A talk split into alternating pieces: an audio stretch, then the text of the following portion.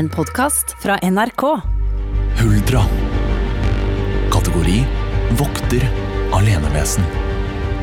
Farlighetsgrad kan bringe ulykke og være farlig, men kan også hjelpe og trøste. Høy, uhyggelig latter. Eller finstemt, forførende sang. Viser seg som en vakker kvinne med langt, gyllent hår forfra. Men bakfra kan hun være innhull i ryggen som et trau. Se ut som en råtten trestubbe. Eller ha kuhale. Har kjempekrefter. Beskrivelse. Vokter og passer på skogens dyr og vekster. Lokker til seg og forfører mannfolk som er alene i skogen.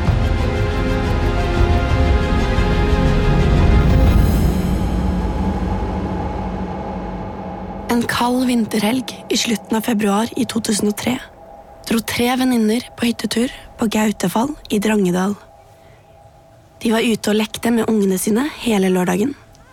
Men da kvelden kom krypende, gikk de inn og koste seg med god mat foran peisen. Plutselig, mens de sitter der, får den ene venninnen en rar følelse. Som om noen kikker inn på dem. De slukker lyset i hytta for å se bedre. Og når de kikker ut av vinduet, får de øye på ei jente som sitter i snøen utenfor. Jenta sitter barbeint i en tynn, hvit kjole i snøen. Kvinnene tenker at hun fryser, og bestemmer seg for å gå ut med en jakke til den mystiske jenta. Når de kommer nærmere, ser de at hun er mørk i håret, ikke eldre enn 30 år, og usedvanlig pen. Smilet hennes er kritthvitt. Hun ser snill ut. Men det er noe skummelt med øynene hennes. Noe som ikke stemmer. Den ene kvinnen får en rar følelse og løper inn i hytta for å hente fotoapparatet sitt. Når hun kommer ut igjen, har jenta reist seg og er på vei vekk. Da ser hun at jenta har hale. Hun rekker akkurat å ta et bilde før jenta blir borte i mørket. Det er tydelige fotspor i snøen etter jenta, men ingen av hyttegjestene tør å følge etter henne. Da de kom hjem fra hytteturen, lastet kvinnen bildet hun hadde tatt, over på PC-en sin. Etter å ha forstørret det skikkelig opp, var hun sikker på at hun kunne se en hale på bildet. Velkommen til Grøss og Gru. Podkastserien for deg som vil bli en ekspert på magiske vesener. Mitt navn er Scott Maurstad. I denne serien skal du få høre historiene om de gamle vesenene folk her i nord har trodd på i århundrer. I hver episode fordyper vi oss i ett vesen. Og som du sikkert alt har skjønt, i dag er det Huldra. Historien du nettopp hørte, sto på trykk i både Drangedalsposten og i VG i 2003.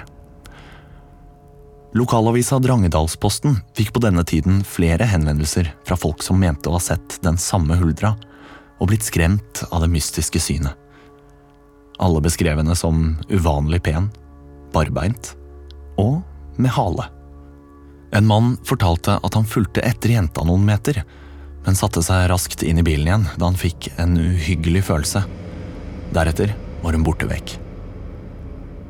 Kvinnen som lot seg intervjue for 17 år siden, sier at hun var sikker på at det var Huldra de så den kvelden. Hun hevder at hun aldri har trodd på det overnaturlige, men at det de opplevde denne lørdagskvelden var for merkelig til å avfeie. De vet hva de så, og det var ingen grunn til å tro at det var noen som prøvde å lure dem. Kvinnen sier at de et øyeblikk lurte på om de var blitt gale, men når fire stykker hadde opplevd det samme, kunne det jo ikke være noen tvil. Det fins altså fortsatt folk i Norge som tror på Huldra, og du skal snart få flere eksempler på det. Og om du selv skulle møte på denne mystiske, farlige skjønnheten med hale, har jeg noen tips som du skal få seinere i programmet. Huldra var et kvinnelig erotisk vesen som voktet over skogen. Hun lokket til seg mannfolk og forførte dem. Som oftest oppsøkte hun menn som jobbet alene i skogen, som for eksempel jegere, skogsarbeidere og kullbrennere. Hun var kjent for å ha langt, gyllent hår, men det viktigste kjennetegnet var at hun hadde hale, for denne kvinnen var delvis et dyr. Nå skal du få en fortelling fra Sveriges dype skoger, som heter Sagnet om kvinnen som ville ha sex. Denne historien har blitt fortalt flere ganger. Den handler om en ung mann som jobbet som kullbrenner dypt inne i skogen i Värmland i Sverige. Om natten sov han alene i en liten koie, mens han lengtet etter kona og barna der hjemme. En sen kveld kom en vakker kvinne inn i koia. Overrasket spurte mannen vennlig om hun ville ha kaffe, men istedenfor å svare satte kvinnen seg tett inntil ham og trakk opp skjørtet på kjolen. Det var ingen tvil om hva hun ville. Den unge mannen kunne ikke motstå de forførende blikkene hennes, det var som om hun fortrollet ham. Til slutt ga han etter og gikk til sengs med henne. Etterpå, da hun rettet på kjolen, oppdaget han halen hennes. Da forsto han hvem hun var og ble iskald av skrekk. Men han hentet seg raskt inn igjen og sa du burde feste det vakre slepet ditt, frøken, for han visste at man ikke måtte fornærme en hulder. Huldra smilte blygt og forsvant, men allerede neste kveld kom hun tilbake, og flere kvelder etter det. Arbeidet i skogen gikk bedre enn noen gang. Dette skyldtes selvfølgelig at Huldra belønnet mannen for at han gikk til sengs med henne hver kveld. Da jobben var ferdig, vendte mannen hjemover igjen, og kona skjønte snart at mannen hennes var forandret. Han unnvek blikket hennes og svarte knapt når hun spurte ham om noe, og hver kveld forsvant han ut i skogen og kom ikke hjem før det grydde av dag. For hver dag ble han tynnere, blekere og stillere. Kona forsto at han var forhekset av Huldra, så en morgen gikk hun ut og ropte på Huldra til hun viste seg. Kona var lur og spurte Vi har en okse på gården som ikke vil holde seg til vår egen ku. Han rømmer og har seg med kuene på nabogården isteden. Kjenner du til noen kur for dette? Huldra lo høyt og sa ja, det gjør jeg. Eh, Gi oksen hvitløk, eh, tyspastbær og vendelrot, så kommer han til å ha nok med sin egen ku. Den listige kona ga selvfølgelig disse magiske midlene til mannen sin, og straks var Huldras forbannelse brutt. Han sluttet å dra ut i skogen om kveldene. Da kona en tid senere traff Huldra ute i skogen, freste hun mot henne og ropte Hvitløk, tyspast og vendelrot, jeg forbanner meg selv som lærte deg dette. Før vi fortsetter, så tar vi en liten faktastopp.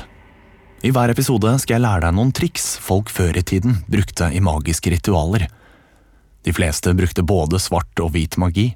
Med svart magi ville man skade noen eller framkalle ulykker, og den hvite brukte man for å hjelpe, helbrede eller beskytte noen. Trollpose I trollposer la man deler av skjelett, mennesketenner, negler, hår, fjær og mynter. Om man la en trollpose i nærheten av en uvenn, så kunne personen bli syk eller utsatt for en ulykke. Kastet man trollposen på et kjærestepar, sluttet de å elske hverandre med en gang. Men trollposen kunne også beskytte mot sykdom, onde vesen eller til og med bringe lykke. Ønsket man eksempel fiskelykke, skulle man kaste trollposen i vannet og la den ligge der mens man fisket. Huldra var kjent for sitt vakre utseende, men det var bare en magisk forkledning. Egentlig var hun en stygg, gammel trollkjerring med hender så store og krokete at hun kunne bruke dem som raker, og lange hengepupper som hun kunne slenge over skulderen. Fikk man et glimt av henne bakfra, kunne man også se at ryggen hennes var hul som en morken trestamme, og at hun hadde hale. Noen mente at huldrene var de dødes sjeler. Hun forhekset menn rundt seg, men lengtet også etter mennesker som kanskje kunne gi henne den sjelen hun ikke selv hadde. Hun var sterk som en bjørn og hadde magiske krefter, men hadde også omsorg for de svake, og er selv sårbar. Nå skal du få høre en historie fra Østerdalen om kjempekreften hennes.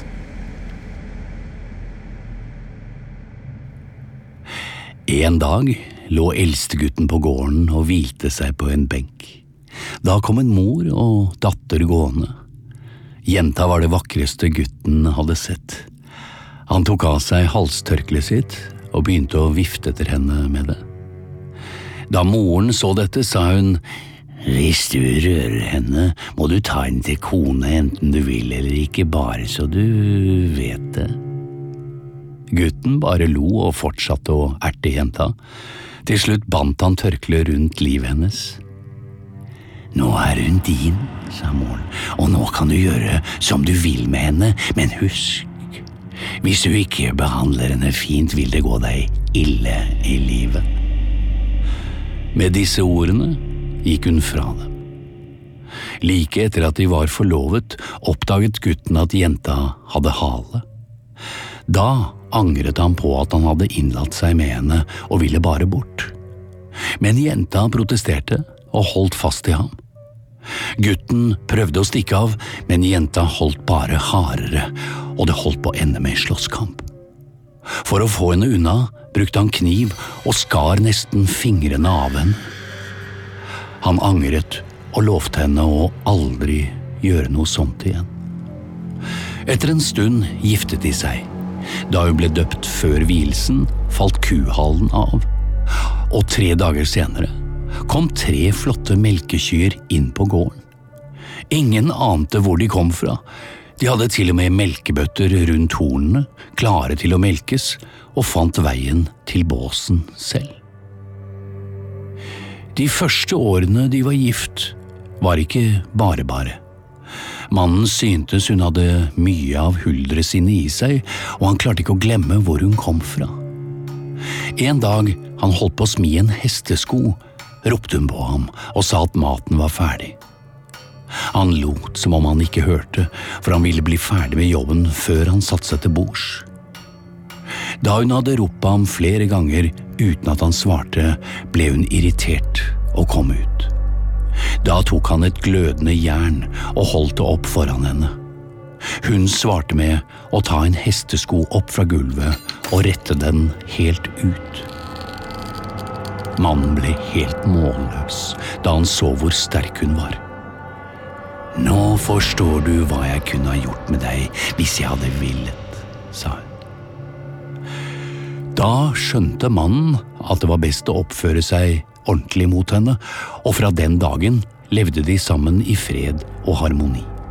Han trengte aldri å beklage seg over kona si, verken hjemme eller ute, og etterkommerne deres i Årdal har i all senere tid hatt større avlinger og bedre hell enn andre folk.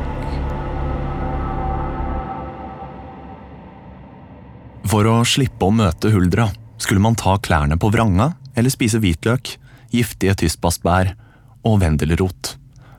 Hvis man likevel skulle komme til å treffe på henne, gjaldt det å ikke si navnet sitt, for da kunne hun ta makt over sjelen din.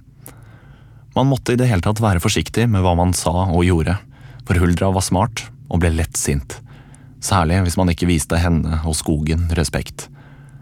Det kunne for eksempel være hvis man sa noe stygt om hvordan hun så ut, eller man spiste for mye av kjøttet etter jakten, hvis jegere ikke vasket seg, eller om de skjøt på noen av rideelgene hennes.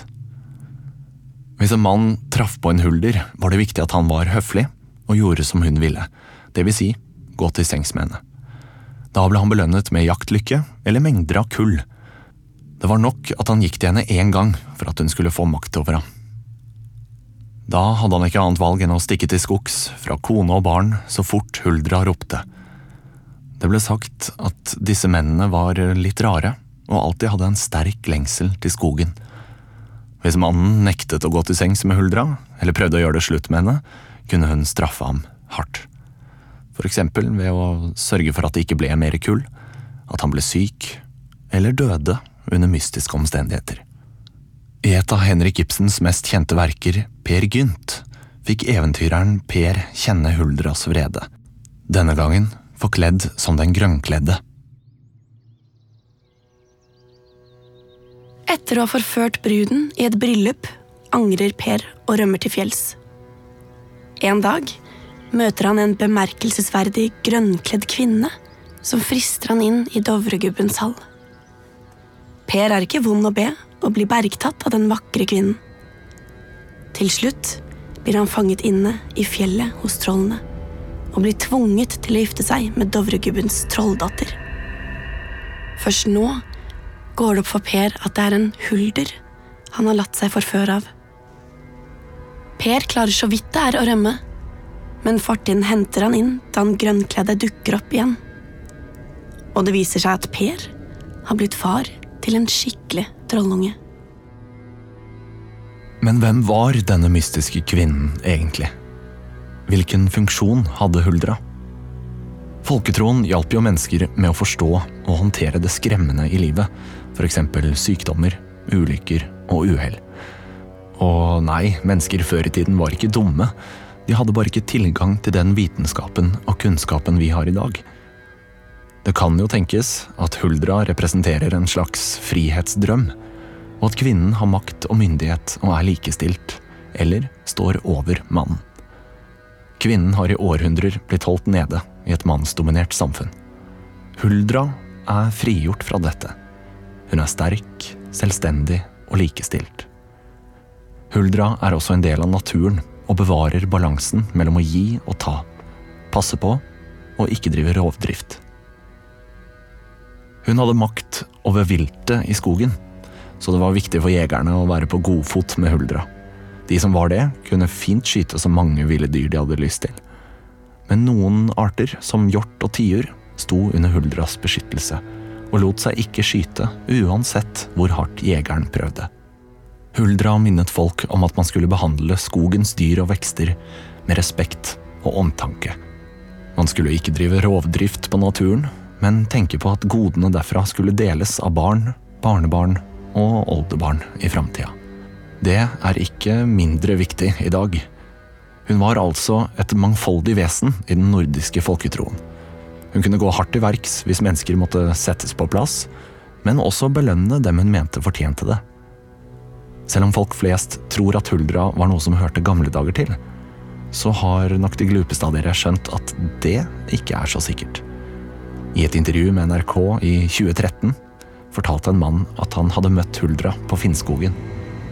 Han hadde vært på overnattingstur alene dypt inne i skogen og våknet til et ganske utrolig syn. Vi skal gjenfortelle historien her. En skogsarbeider dro på fisketur alene i Finnskogene, som er grenseskogene på norsk og svensk side mellom Trysil og Elverum. Da han hadde fått bra med fisk, la han seg til å sove for kvelden. I de disige morgentimene dagen etter våknet mannen opp til et merkelig syn. Bak en liten kuflokk kom en vakker kvinne gående med en hale som hang og slang, og hun sa du fisker i vanna mine, du fisker i vanna mine. Mannen skjønte med en gang at det var Huldra som sto foran han, og gikk skremt derfra samme morgen. Men skogsarbeideren i Finnskogen er ikke alene om å ha møtt den vakre, mystiske kvinnen. Flere av de gamle karene i bygda forteller at de også har møtt Huldra ved samme fiskevann, og at dette ikke ble sett på som noe unaturlig. Nå nærmer vi oss slutten, dere. Men først noen overnaturlige triks, som kanskje er litt ekle, men de er i hvert fall veldig lett tilgjengelige. Noen av de magiske knepene folk i gamle dager brukte for å beskytte seg mot trolldom, ondskap og magi, inneholdt ting som svette, spytt, blod, tiss og bæsj. I dagens episode skal vi ta for oss urin. Urin kunne bli brukt for å få noen forelsket i seg. Et triks var å blande litt av den enes urin i den andres mat eller drikke. Jeg vet ikke helt, jeg, dere. Personlig har jeg mer trua på å si noe hyggelig eller bare bake noen gode boller. Grøss og gru er produsert for NRK av Svarttrost Produksjoner. Mitt navn er Scott Maurstad. Du hørte også stemmen til Mathilde Storm og Dennis Storøy. Denne serien er bygget på den svenske bokserien Vesenologi av Ingela Korsell. Manusforfatter er Ingrid Greaker Myhren. Musikk, klipp og lyddesign er gjort av Peter Baden. Redaktør i NRK er Gitte Kalmeier.